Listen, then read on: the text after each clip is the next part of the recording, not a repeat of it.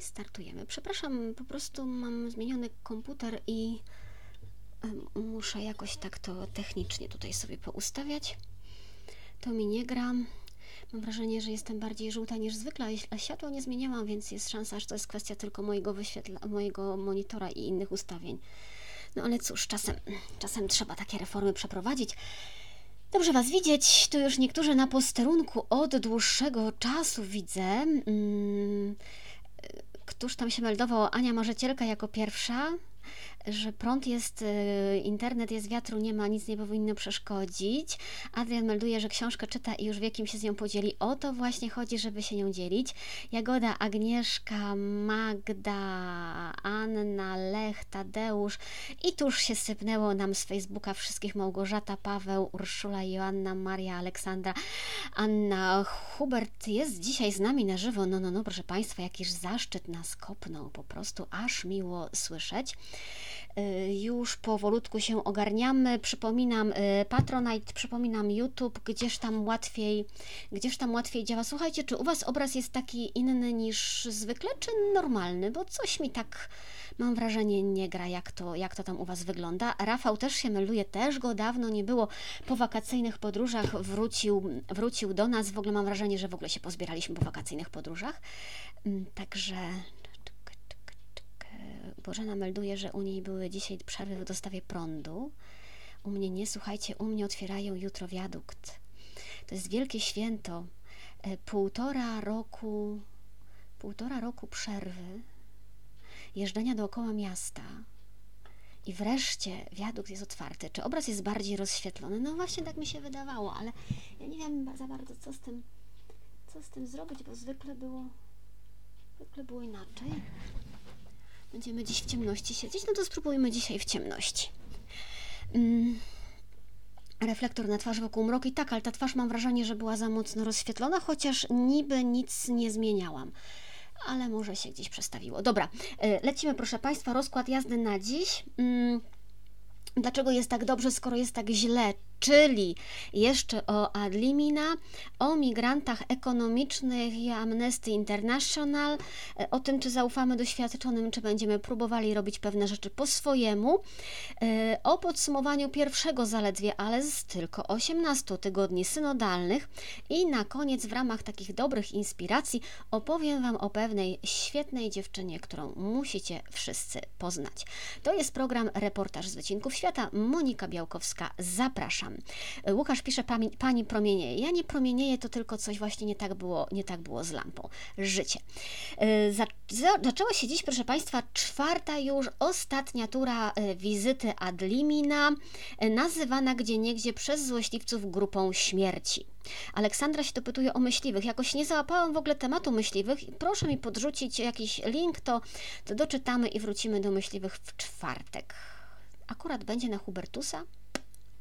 No właśnie, nazywana e, przez złośliwych grupą śmierci, jako że w tejże grupie poleciał właśnie do Rzymu m.in. arcybiskup Marek Jędraszewski, arcybiskup Wiktor Skworc, e, biskup Roman Pindel z diecezji bielsko-żywieckiej, czyli tej od biskupa Rakoczego emerytowanego, no i biskupi z diecezji tarnowskiej, gliwickiej, opolskiej i kieleckiej. Mm, I tak jak w ubiegłym tygodniu od samego rana mieliśmy w Kaj y, komunikat za komunikatem, y, z tego, że biskupi się pomodlili, co robią, z kim rozmawiali, co ważnego usłyszeli, były kolejne briefingi, tak dzisiaj no, pojawiło się troszkę takich komunikatów po południu, ale mniej. I jakby tak ciszej.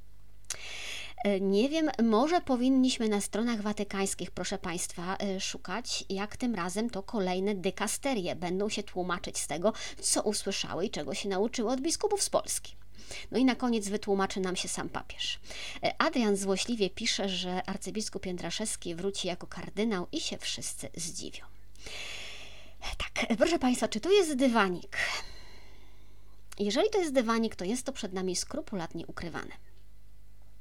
Bo aż się ciśnie na usta pytanie, y, no to tytułowe, skoro jest tak dobrze, jak biskupi mówią, to dlaczego jest tak źle, jak my widzimy?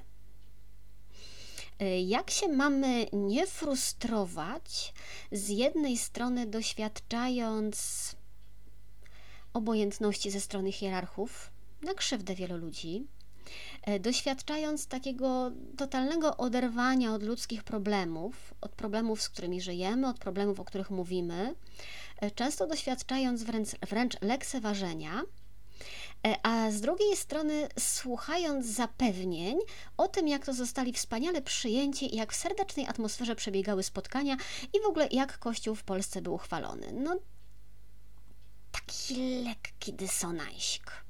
Ja tu, proszę Państwa, apeluję o takie komentarze, które mogę wyrzucić na ekran, bo o tym, kto podwędzie czerwony kapelusz, to niestety nie bardzo mogę.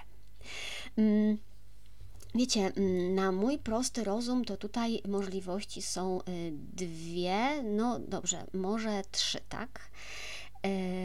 Albo tamci w Rzymie wszyscy, dykasteriach, w kongregacjach e, są okłamywani, no i żyją w poczuciu, że w kościele w Polsce naprawdę wszystko gra.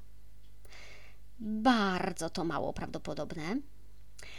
Albo nasi nie mówią nam do końca prawdy, że dostają tam jednak niezły ochrzan i nie bardzo chcą się do tego przyznać. Albo naprawdę wszystko wszystkim pasuje i taki po prostu ma być Kościół, tak? Taka, wiecie, gra, gdzie biskupi zawsze się ze sobą dogadają, a my tylko naiwnie wymyśliliśmy sobie inną wersję, nie? Taką ewangeliczną, no i nie mamy w tym pragnieniu racji. I bardzo nie chciałabym, żeby ta trzecia opcja y, okazała się, okazała się prawdopodobna. Y, mocny komentarz Tutaj już widzę, Michał podrzuca, gdzie można kupić kapelusze kardynalskie. No, no, no. E, mocny komentarz po tej trzeciej turze Adlimina napisał Tomasz Terlikowski. E, czytamy tam rzeczywiście, że po informacjach, które do nas docierają, no można odnieść wrażenie, że wszystko jest po prostu niewinną wizytą grupy starszych panów w Rzymie. E, ale też pisze Tomasz Terlikowski z wizyty innych biskupów Adlimina z innych krajów wiemy, że to zwykle tak słodko nie wygląda. Mm, cytuję: Hierarchowie dzielą się słowami papieża, niekiedy zaskakującymi, a niekiedy ostrymi. Wiadomo, że w rozmaitych regionach biskupi spotykają się z krytyką, a u nas nic. Tak jakby to była wycieczka zakładowa, a nie rozmowa o stanie kościoła. Y, no, za wycieczkę zakładową Tomasz Terlikowski ma mojego prywatnego mini Oscara tutaj, jest to w punkt. Y, dalej Tomasz Terlikowski przywołuje wypowiedzi arcybiskupa Gondeckiego, który mówił, że Watykan jest źle poinformowany, y, że trzeba tam było informować, prostować informacje w sprawie Polski, że trzeba to było wyjaśnić księżom w dykasteriach i w kongregacjach.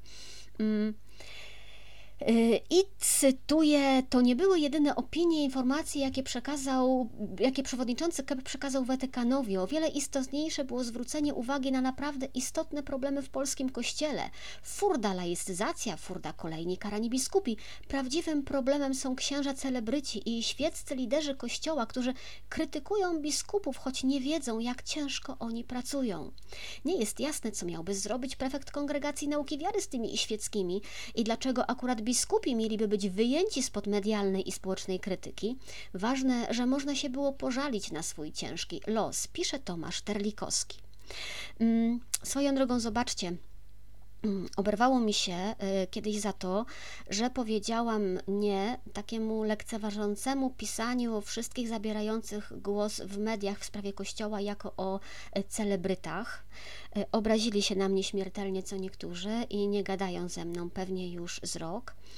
Y, a ile krzywdy mógł taki jeden tekst zrobić? Ludzie, którzy siedzą w internecie, którzy na co dzień korzystają z mediów społecznościowych, wiedzą, jakie to było głupie i szkodliwe i nieprawdziwe, ale biskup nie wie i wciąż się tym posługuje.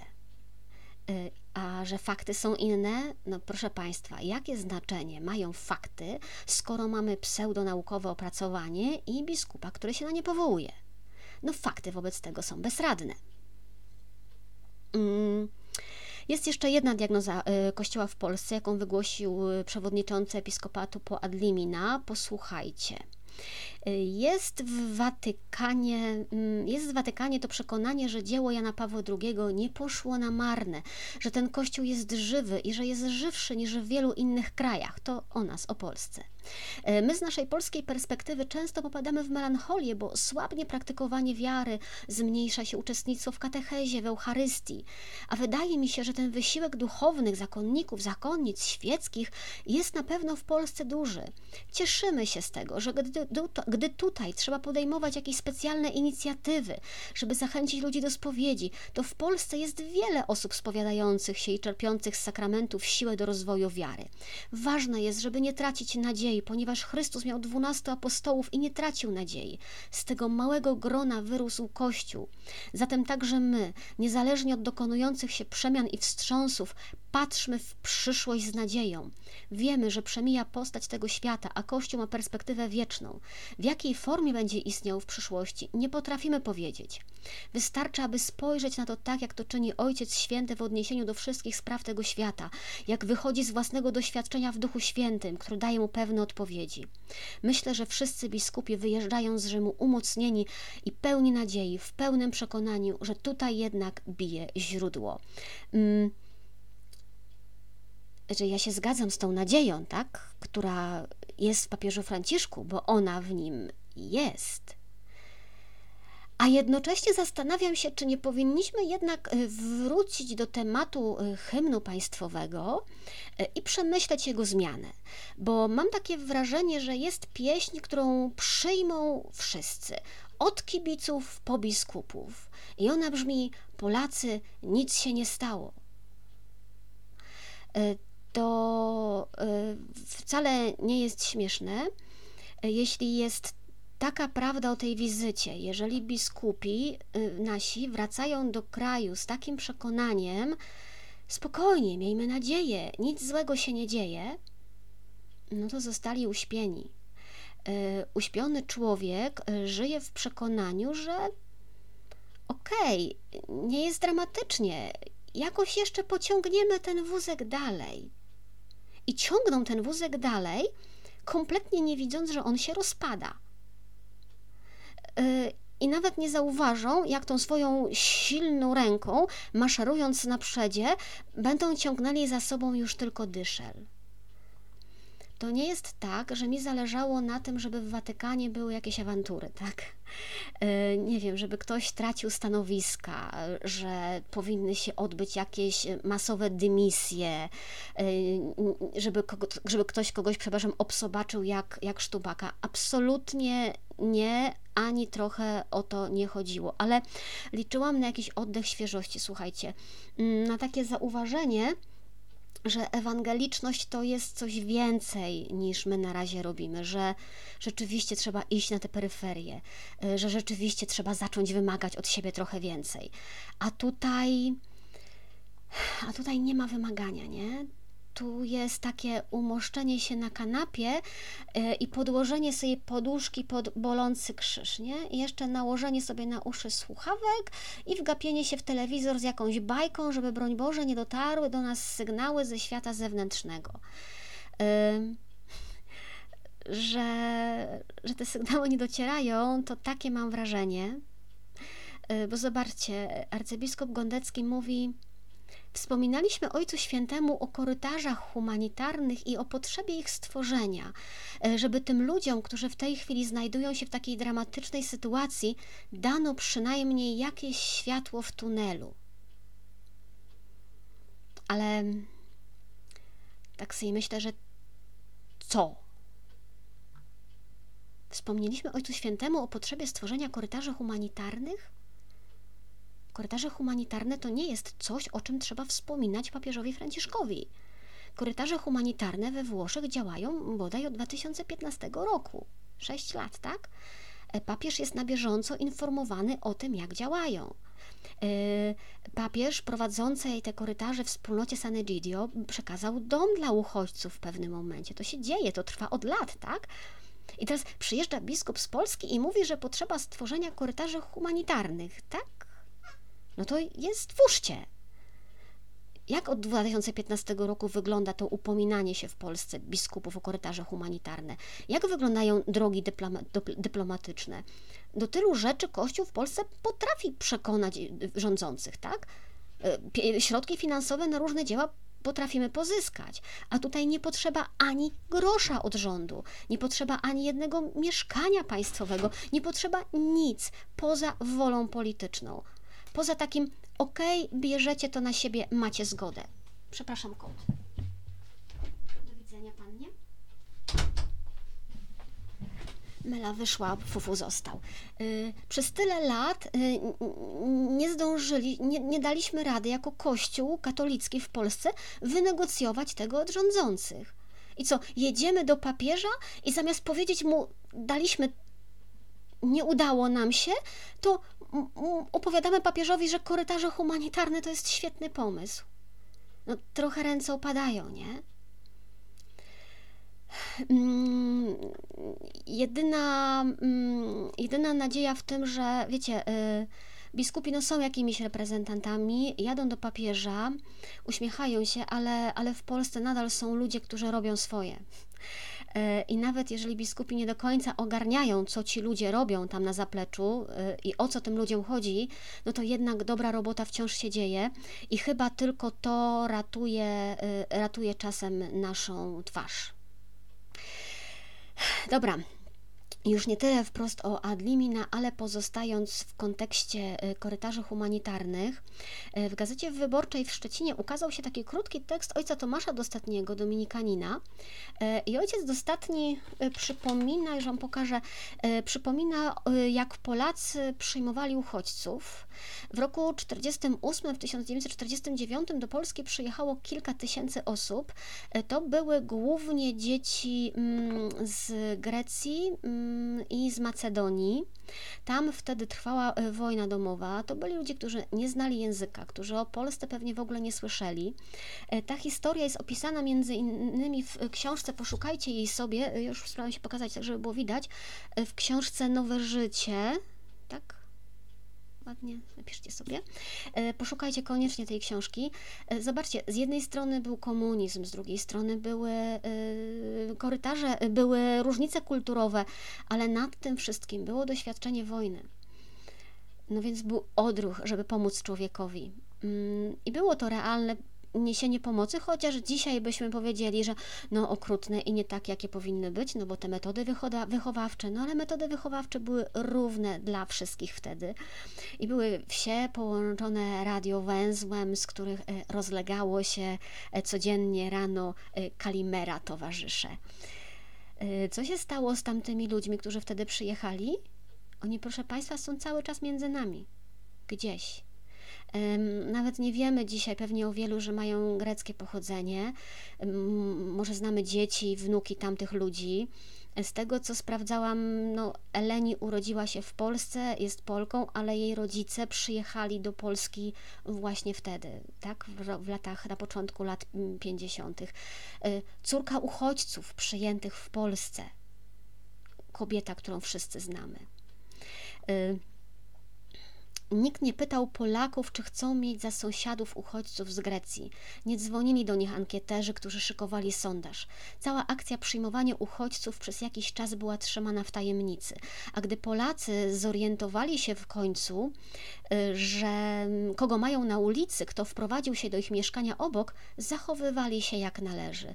Nauczyciele, wychowawcy w ośrodkach, lekarze, pielęgniarki, pracodawcy, wszyscy oni okazywali przybyszom troskę i zrozumienie. To jest właśnie fragment z, z Nowego Życia.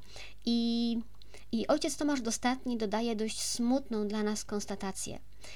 Y, komuniści potrafili pomóc komunistycznym ofiarom wojny domowej, pierwszego konfliktu zimnej wojny. Dzisiaj my, chlubiący się, że jesteśmy chrześcijanami, w drugim, potrzebującym pomocy, nie dostrzegamy ofiary, uciekającej często całymi rodzinami z małymi dziećmi z konf terenów konfliktów zbrojnych. Y, wiecie, co jest dla mnie y, tak po ludzku y, najtrudniejsze? Ale naprawdę, że w wielu dyskusjach, jako argument, który dyskusję ma zamykać, pojawia się zdanie: to są migranci ekonomiczni. kiedy słyszę albo czytam coś takiego, to ja już wiem, że ten człowiek po pierwsze nigdy nie spotkał tych ludzi twarzą w twarz, a po drugie nigdy nie poczytał nic bliżej o całym zjawisku migracji na świecie poza propagandowymi przekazami. Ja tych ludzi spotkałam, ja słuchałam ich opowieści. I wiecie, tam na placu Wiktorii chyba mało było takich, którzy uciekali wprost przed groźbą śmierci. Oni uciekali z kraju, w którym nie mieli co jeść. E, kiedy pytałam ich o święta i świętowanie, odpowiadali, że nie, że świętowa nie świętowali, bo żeby świętować, to trzeba było mieć jedzenie, a oni jedzenia nie mieli.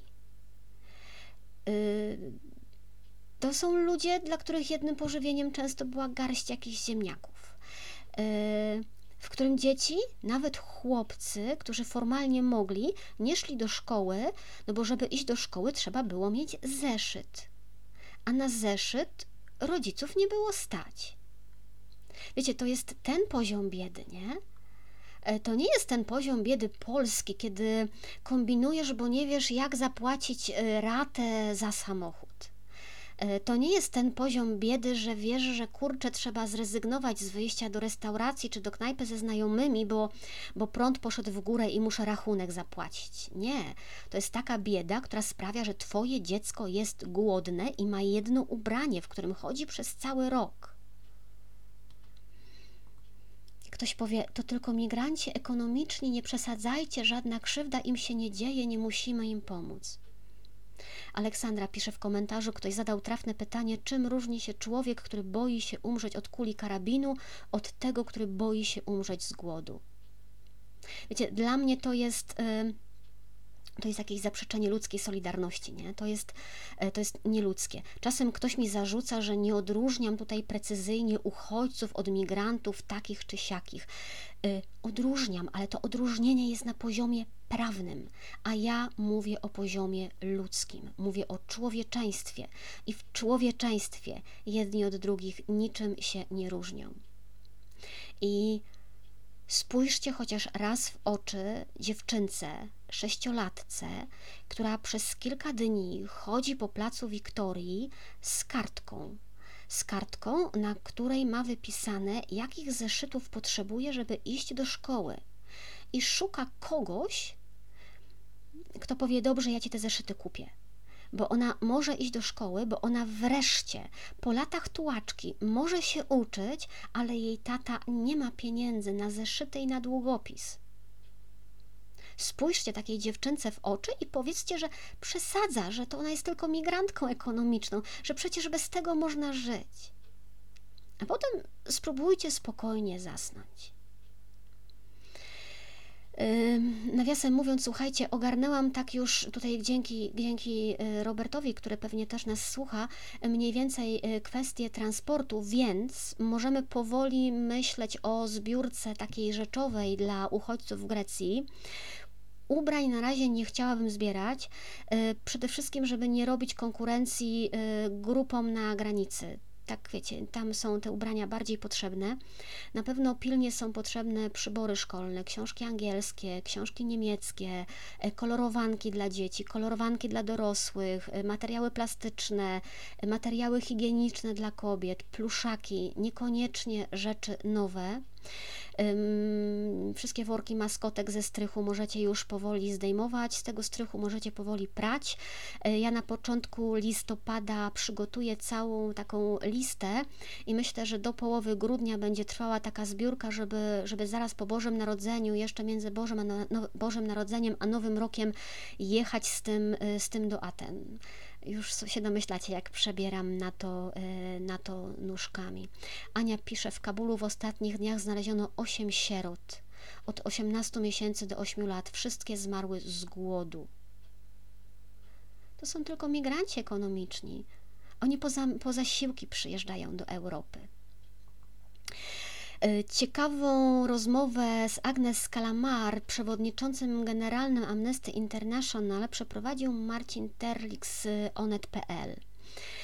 Amnesty International znacie, to jest międzynarodowa organizacja pozarządowa, ma na celu zapobieganie naruszeniom praw człowieka, organizuje różne akcje od pisania listów, ale to też jakby jej działaniem jest informowanie o naruszeniach. Oni też pomagają finansowo i prawnie osobom poszkodowanym, prowadzą kampanię przeciwko karze śmierci. W 1977 roku, z tego co wiem, Amnesty International dostała e, pokojową Nagrodę Nobla. Dzisiaj według, według nich samych e, wspierają około 7 milionów ludzi w 150 krajach świata, no i w tej chwili interesują się również tym, co się dzieje w Polsce.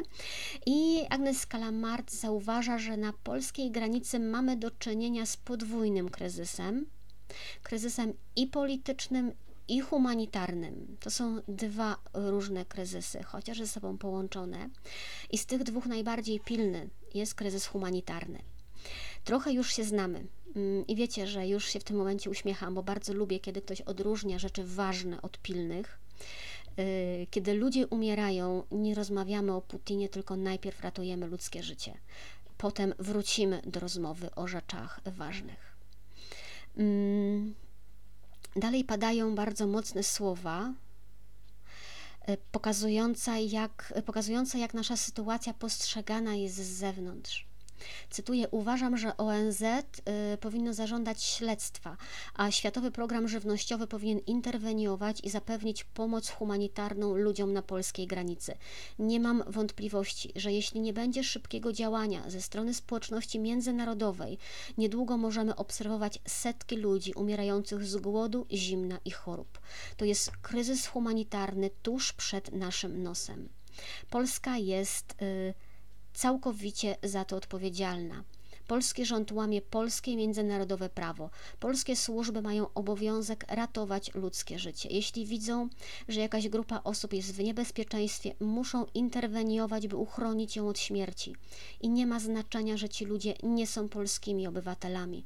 Rząd łamie nie tylko konwencję dotyczącą statusu uchodźców, ale także artykuł 6 Międzynarodowego Paktu Praw Obywatelskich i Międzynarodowych. Dalej jest o tym, że pushback jest łamaniem międzynarodowego prawa. E, Agnes Kalamart zwraca też słusznie uwagę, słuchajcie, jak się dobrze przeczyta różne historie, że w praktykowaniu tak zwanego pushback, pushbacku, czyli no de facto wyrzucania ludzi poza własną granicę, bo to, to, to oznacza, no my nie jesteśmy odosobnieni. E, podobnie się dzieje w całej Europie, podobnie się dzieje w Grecji, podobnie się dzieje we Francji, podobnie się dzieje we Włoszech ale tam też mamy do czynienia z kryzysem humanitarnym, tam też mamy do czynienia z złamaniem międzynarodowego prawa, które wszyscy przyjęliśmy. Wszyscy są winni, dlatego nie ma reakcji. To jest cytat z Agnes Kalamart. I wiecie, kiedy sobie to czytałam, to tak sama się, sama się zastanawiałam, bo te prawa, które nas obowiązują, prawa dotyczące y, uchodźców, przyjmowali nasi ojcowie, nasi dziadkowie, e, ludzie, którzy znali wojnę.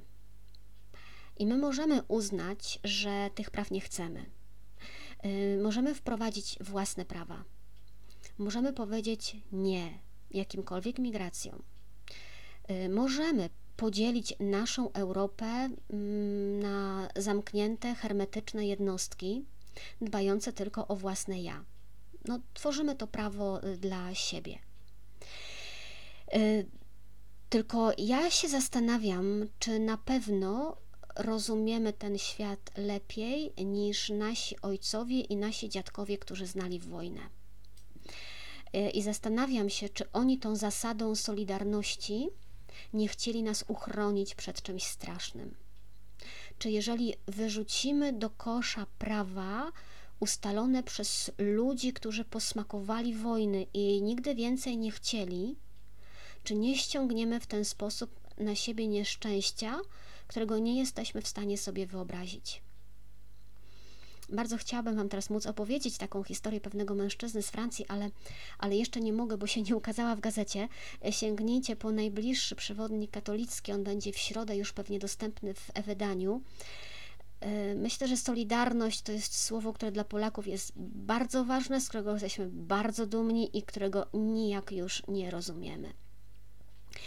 E, Agnes Kalamart mówi: Polska i inne kraje europejskie mogą myśleć, że chodzi tylko o uchodźców, że tylko te zasady będziemy ignorować. Problem polega na tym, że to nieprawda. Kiedy zaczynasz osłabiać międzynarodowe reguły, osłabiasz cały system, który dał nam stosunkowy pokój, stabilność i wzrost gospodarczy w ostatnich 80 latach. W żadnym z tych państw w polityce pewnie nie myślą, że może wydarzyć się najgorsze. Jeśli jednak podważamy podstawowe zasady, stajemy się dużo bardziej narażeni na wojnę, konflikt i biedę. To jest krótkowzroczne. Jeśli odrzucimy reguły, wrócimy do stanu, w którym byliśmy w latach 30. Mam pytanie do Polaków. Czy chcecie być pokoleniem lat 30., czy pokoleniem roku 89? Jeśli tym drugim, trzeba się opowiedzieć za przestrzeganiem zasad. Polacy słusznie zauważają, dalej czytamy, że Francuzi i Brytyjczycy nie przestrzegają prawa dotyczącego, dotyczącego migracji, ale to nie znaczy, że prawo jest złe. Tylko, że na świecie jest więcej krótkowzrocznych idiotów, którzy wolą pompować strach, niż podjąć racjonalną dyskusję. Ym... Czytam o tych pluszakach na śmietniku, aż mi się serce kraje. Nie wyrzucajcie pluszaków na śmietnik, trzymajcie pluszaki, wszystkie zabierzemy do Aten. Wielu mówi, że y, przyjęcie uchodźców było i pomoc uchodźcom y, byłoby pójściem na rękę Łukaszence, że Łukaszenka chce nas zalać imigrantami. Pamiętacie, kiedyś mówiłam, że Łukaszenka nie chce nas zalać imigrantami, to nie jest jego główny cel. Y, on chce z nas zrobić moralnych bankrutów. On chce, żebyśmy się okazali słabi i podli, i żeby nikt nie chciał stanąć po naszej stronie. I on doskonale wiedział, jak nasz rząd zareaguje, i on wiedział, że rząd zareaguje w sposób nieludzki, i na taką reakcję liczył. I Agnes Calamart potwierdza moją intuicję. Mówi, odpo obecna odpowiedź na kryzys tak naprawdę wspiera taktykę Łukaszenki i Putina. Gramy na ich zasadach. Gdyby Polska przyjmowała wnioski od obcokrajowców, tak jak się do tego zobowiązała, myślę, że osłabiłoby to siłę Łukaszenki. Jednak reagujemy w inny sposób. Tworzymy napięcie, powodujemy konflikt, łamiemy nasze wartości. A to jest dokładnie to, co oni chcą zobaczyć, że podążamy za ich autorytarnymi wartościami, że przekładamy narodowe bezpieczeństwo ponad wolność jednostki. Zachowujemy się tak, jak oni. Na pytanie, co przede wszystkim powinien zrobić teraz polski rząd, Agnes Kalamart odpowiada przede wszystkim otworzyć nie granice, jak nam się często wmawia, ale otworzyć dostęp do strefy przygranicznej dla organizacji humanitarnych. Ja bym dodała jeszcze dziennikarzy. To jest pierwsze i najpilniejsze.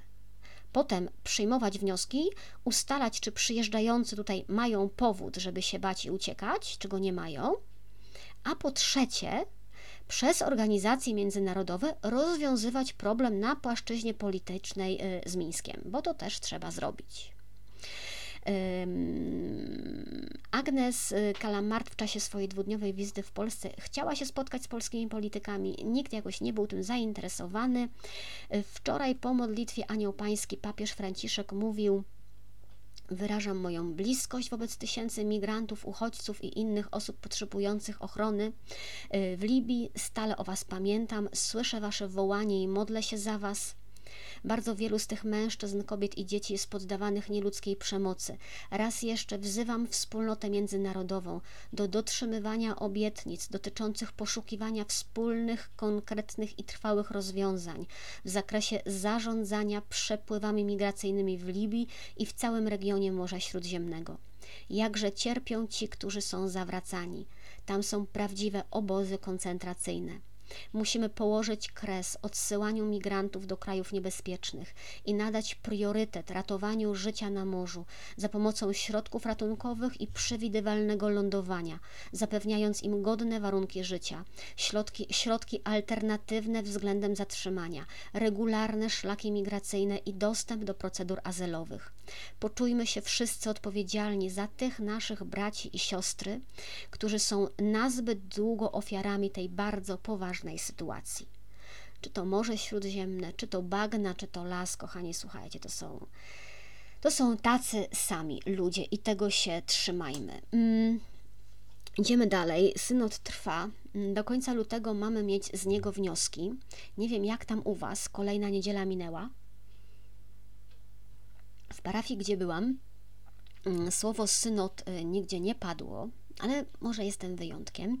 Napiszcie, co się dzieje, jakie są plany, jakie zaproszenia, może gdzieś już się jakieś y, grupy zebrały. E, biskup Adrian Galbas, przewodniczący Rady Apostolstwa Świeckich KEP, e, mówi, że co miesiąc będą organizowane spotkania osób odpowiedzialnych za synod w diecezjach.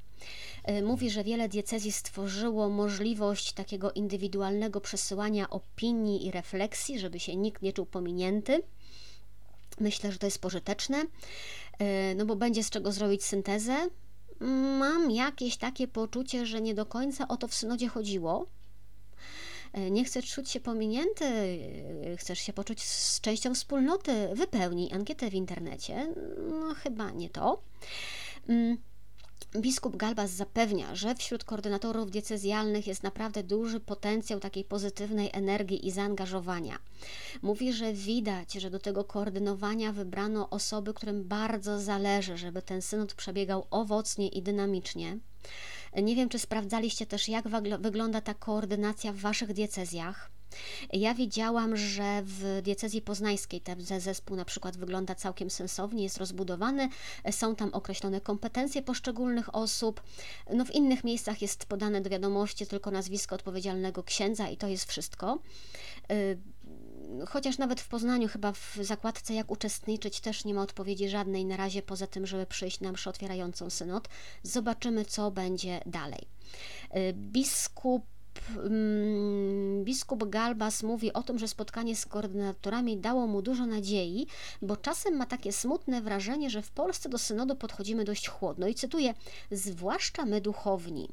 Często patrzymy na synod nie jak na szansę dla Kościoła, ale jak na kolejną robotę, która przypadnie nam już i tak w pracowitym czasie Adwentu Bożego Narodzenia i Kolendy. Może mam pecha, mówi biskup Galbas, ale nie widzę wielkiego zapału wśród młodych księży.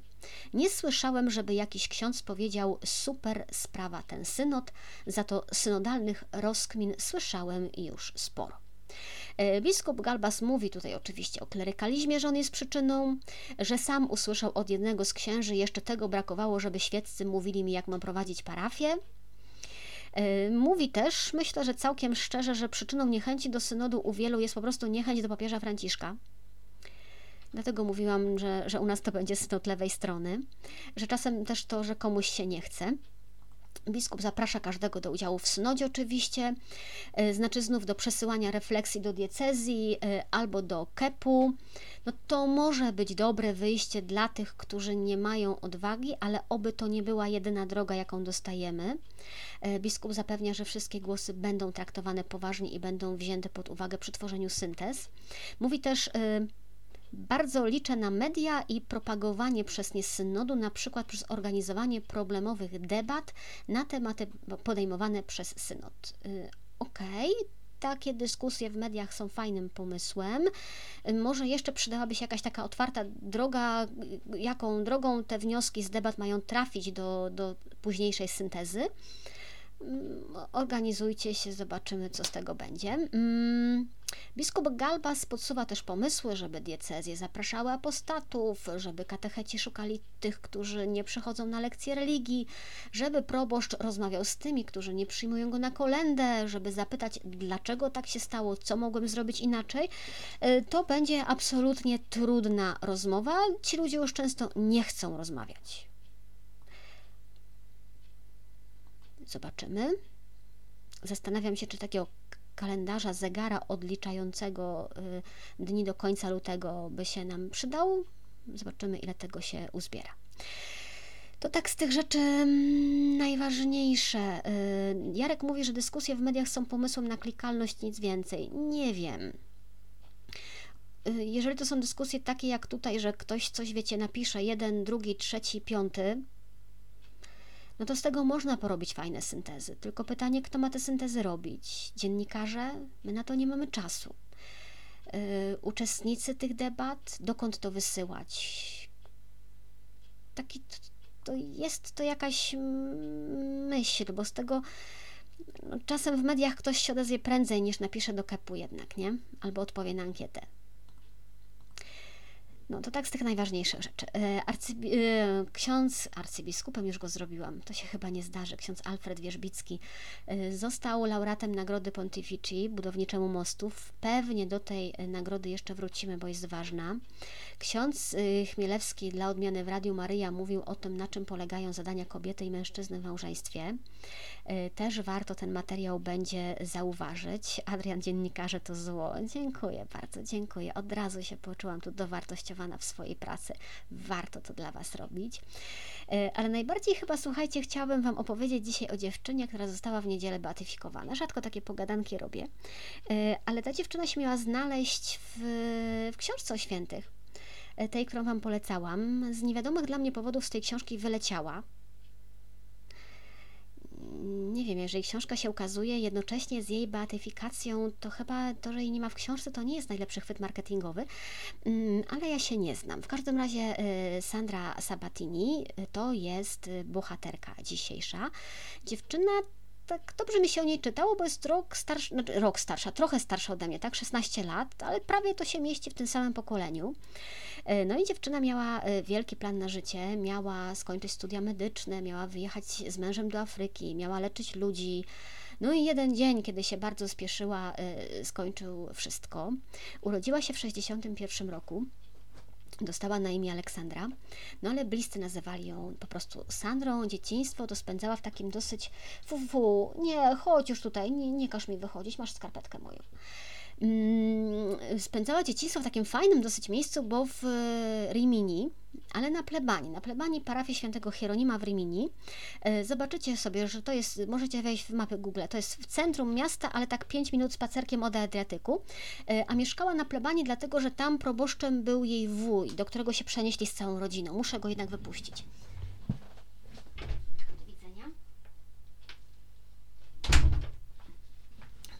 Wypuszczałam, wypuszczałam kota, a nie, a nie wuja e, Alessandry. Mm.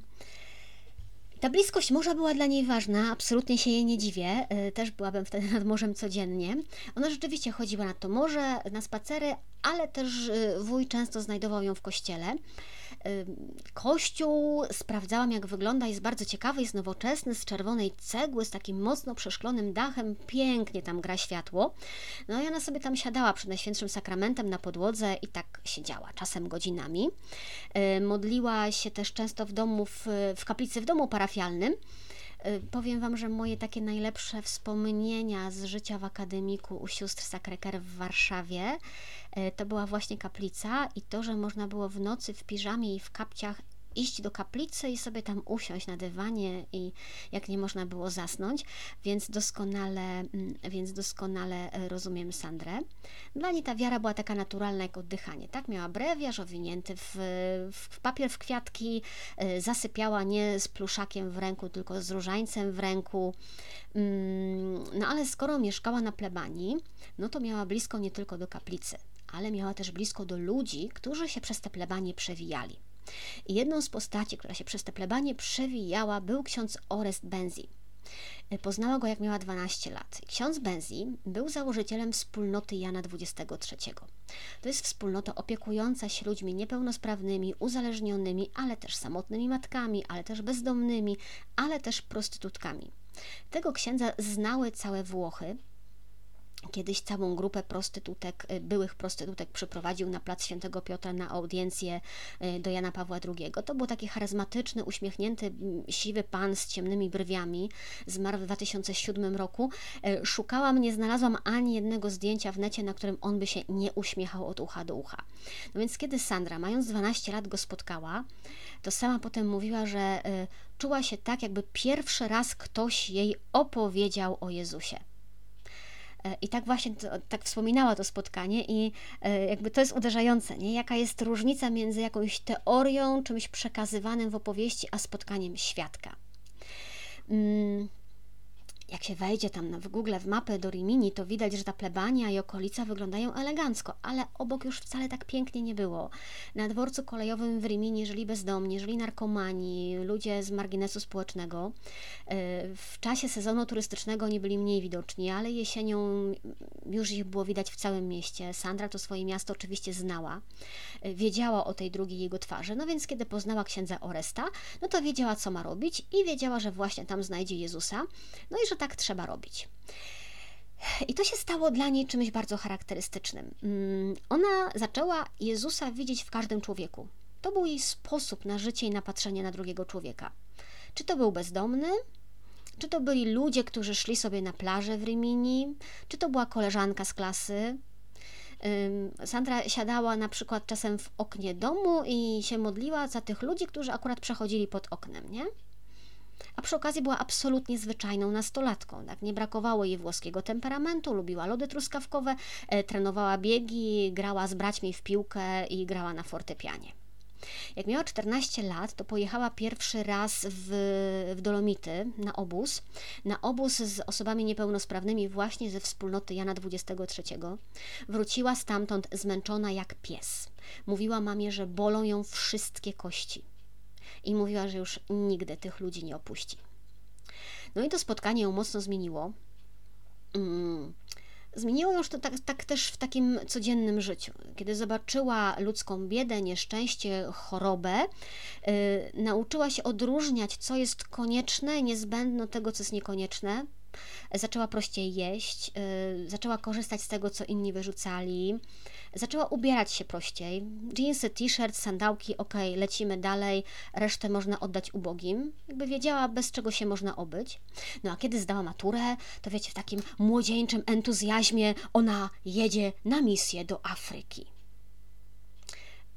No, to nie był XIX wiek. Mm, e, zapał nastolatki oczywiście rodzice trzeźwo powstrzymali. Spokojnie, drogie dziecko, ty najpierw skończ studia, a potem porozmawiamy o Twoich misjach.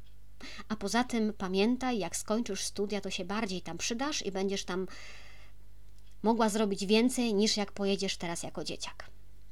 No i y, Sandra posłuchała. Zaczęła studiować medycynę w Bolonii. Tam poznała Guido.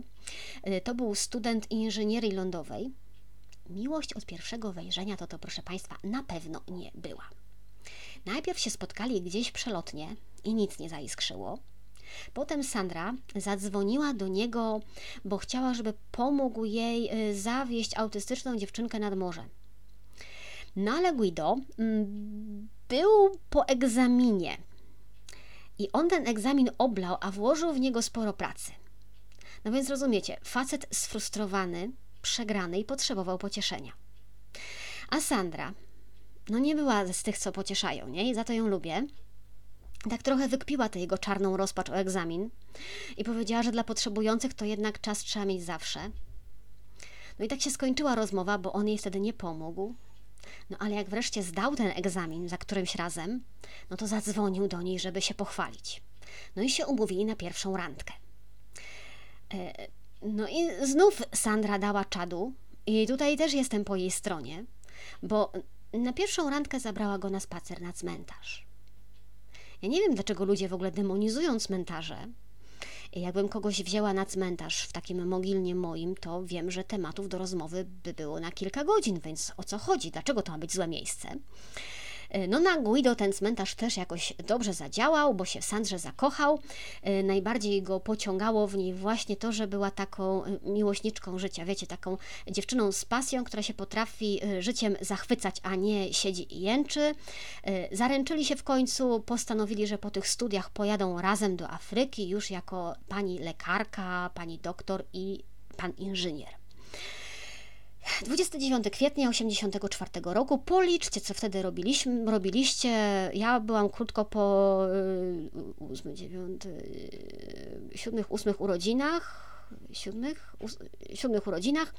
E, w niedzielę po Wielkanocy, to jest ta niedziela, którą potem Jan Paweł II ogłosi Niedzielą Miłosierdzia, Sandra i Guido jeszcze z przyjacielem e, mieli jechać na spotkanie wspólnoty Jana XXIII do takiego miasteczka Igea Marina. Tam było bliziutko 15 minut dosłownie samochodem. E, Sandra rano jeszcze była na mszy świętej. E, potem, potem bardzo się spieszyła po tej mszy, bo, bo jeszcze chciała umyć włosy. Guido już czekał. No w każdym razie pojechali w takim tam zapędzie, dojechali do, do Igea Marina. No i Sandra wysiadała z samochodu, no i wysiadła z tego samochodu wprost pod koła innego rozpędzonego auta. Guido nie mógł już nic zrobić, dziewczynę przewieziono do szpitala, nie odzyskała już przytomności, zmarła trzy dni później. Po jej śmierci Guido Rossi pozostał we wspólnocie, skończył te studia inżynierskie, potem się ożenił, ma dwoje dzieci, jest zresztą wyświęcony na stałego diakona. Po śmierci Sandry znaleziono jej dzienniki, zaczęła je pisać zaraz po pierwszej komunii świętej, jako mała dziewczynka. Uzbierała się, uzbierało się tego z pięć zeszytów. Pisała, e, życie bez Boga to tylko sposób na przemijanie. Nudne czy zabawne, ale wypełnione oczekiwaniem na śmierć. E, w ogóle była takim typem, co to wszystko notował i wszędzie, nie? Nie tylko w pamiętnikach, ale na pudełku czekoladek, e, tu rysowała na jakimś pudle, na kamieniach, na kawałku drewna, e, zupełnie jakby każdą chwilę chciała złapać i każdą chwilą się nacieszyć.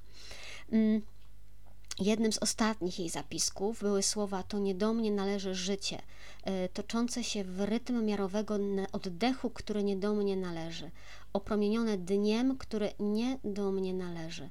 Nic z tego, co jest na tym świecie, nie należy do ciebie. Pamiętaj o tym, Sandro. Wszystko jest darem, którym darczyńca rozporządza według własnej woli. Pielęgnuj dar, który otrzymałaś, aby był piękny i pełny, gdy nadejdzie godzina. Taka była Sandra Sabatini, taka jest Sandra od wczoraj błogosławiona, mm, a że za chwilę mamy wszystkich świętych, to, tak pomyślałam sobie, że Wam o niej opowiem y, i żebyście sobie dopisali Sandrę do swojego prywatnego katalogu.